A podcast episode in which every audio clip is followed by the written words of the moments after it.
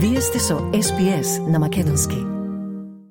Ни символичкиот јазик на кој што се изразувале македонците во 19 и почетокот на 20 век, создавајќи ги народните носии, тие успевале да раскажат прецизна приказна за идентитетот на оној што ја носел оваа традиционална облека. Толкувајќи го тоа архаично писмо, два века подоцна, ние дознаваме дали една женска носија ја носела девојка, невеста или жена во одминати години.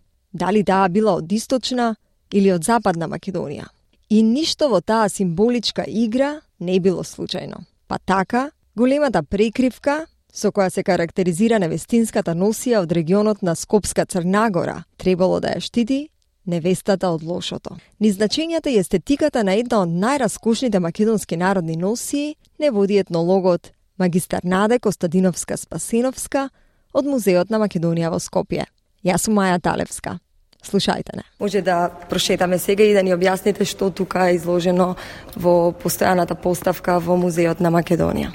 А, во музеот а, изложени се, како што кажавме, 70 носи. Првите што ги гледаме се од Скопскиот регион, меѓутоа ако се од Скопскиот сепак се различни, значи овие се од Скопска Црна Гора, другите до нив се од Скопска Блатија.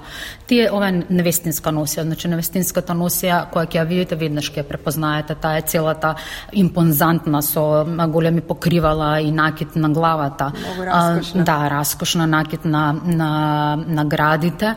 А, сето тоа имало одредена символика да ја заштитува невестата од а, лоши надворешни влијанија, а, павтите го заштитуваат а, а, породот а, на нели на едната невеста и го прикажуваат репродуктивниот период на жената во која што се а, наоѓа нели со преминот од девој од моминство во веќе зрела жена со свадбата. Носијата се состои првично од кошула, значи линена кошула, во Скопска Црна Гора е изразита со темно мудрата боја и со дебел вес и, во, и на кошулата и на ракавите. Меѓутоа, тоа е за невеста. Како што пред дев, кога е девојка, тој ве се помал Значи за невеста се зголемува. Так. Исто позади има и во задниот дел на на кошулата има пруги. Исто тие пруги се поголеми, повисоки за време на невестинство предходно и подоцна се намалуваат. Така да а, една жена која излезе на улица буквално од носијата се читаат за неја. значи Нашен да, статус. тотално статус, значи се знаат и возраста и семејниот статус Потоа на половината опашуваат појас, кој што е долг волнен појас, претежно е црвен, меѓутоа знае да биде во црни црнозелени пруги. Го опашуваат на половината, врз него постилаат опашуваат скутина или скутерча, скутача, овдека е специфична со сребрена сребрена боја. И се ова рачно изработено, Се, та? се, буквално се е рачно изработено, освен накитот врзнеа се става, како што ја кажав, пафтита, се обликува и саја, тие се, од, од озгора се става мар, овде случајов марама, марамчиња, риз, е, марами кои што се купечки ови од страната, така. за да се доукраси носијата. Накитот е од метални сребрени пари, некад има и златни, меѓутоа претежно се користеле сребрените парички. На главата, во овој случај на Скопска Црна Гора носијата, ова е од село Љубанци, од Скопска Црна Гора, носи та степелак, Еве го, значи во овој случај не е од озгора на главата, туку тука има во челник, кај челото. А, другите се а, босилок, сув босилок, виштачко цвеќенце, некаде природно ставале, зависи во нели годишно а, време се одвивала а, свадбата.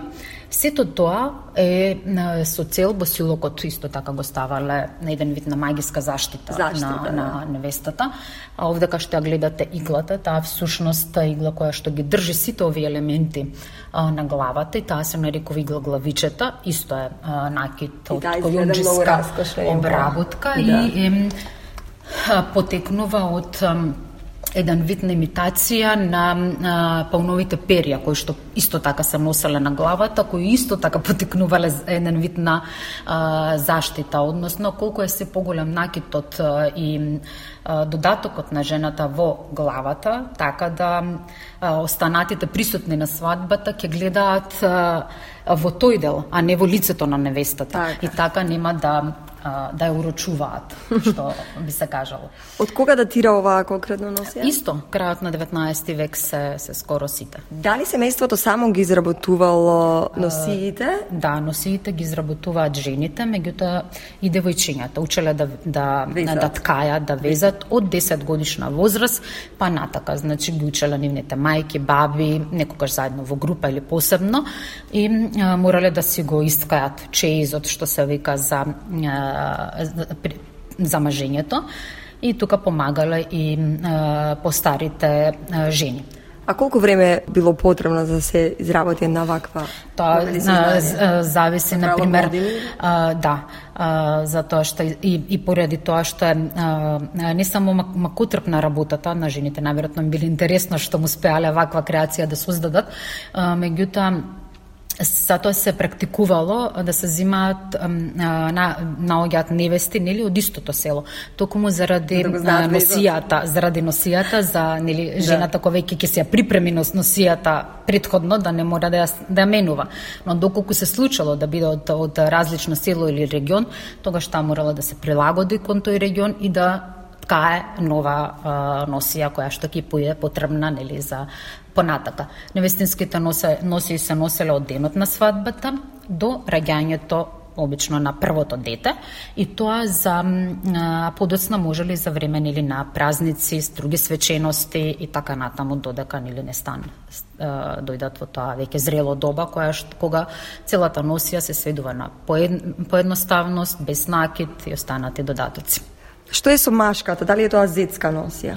Во овој случај е празнична носија ние што имаме изложено, меѓутоа нема многу разлика од носијата, машката носија за свадба, бидејќи и празничната, свадбарската се носела и за време на празници. Кај машките се карактеристични кога се работи за зетовска носија, нели, кошулите кои што во долниот дел, значи тие се целосни, меѓутоа во долниот дел изгледаат како сукњи.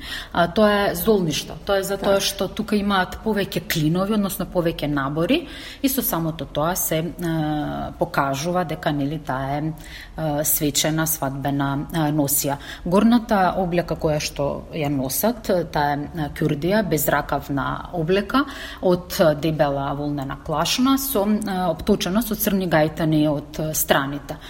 Кај машките претежно се декорирани значи околу вратниот дел, крагњите и олечињата. Монистрениот Така. накид кој што се ставал се нарекува кјустак.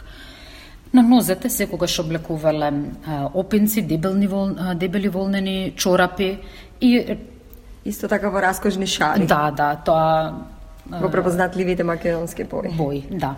На главата носела шубари, капи, зависи во кој предел, меѓутоа за е, машките во глобала е е, тоа. Така, по, малце поедноставна Поедноставни, отколку да. женската. Па исто како и сега, значи женските се тоа. А, кај невестите заборев да кажам дека а, често а, во малте не скоро во сите предели, меѓутоа носеле ре- реликвијари како герданчиња, односно крстови со а, парички во долниот дел. Е сега накитот доколку нели на семејството не било во состојба да из, да да изготви нов накит, односно нели да го Од сребро. да го земе, да. Да. А, тогаш а, а, накитот се останувал ствари всушност во а, да се наследува генерацијски. Така. Така да а, за невестата од Скопска Црна Гора Мајката го давала на невестата. А, да. Или свекрвата. Да. Не, а, мајката за тоа што не знаеме нели во во кое Во која село. и село ќе Е, отиде. Така. Така. Ма често знаело не, мор, не, не морало да биде од незиното семе, семејство потесно, туку буквално од а, предходните. Широката фамилија. Широката фамилија, да, е достана. Стиснете, ми се допаѓа, споделете, коментирајте. Следете ја SPS на Македонски на Facebook.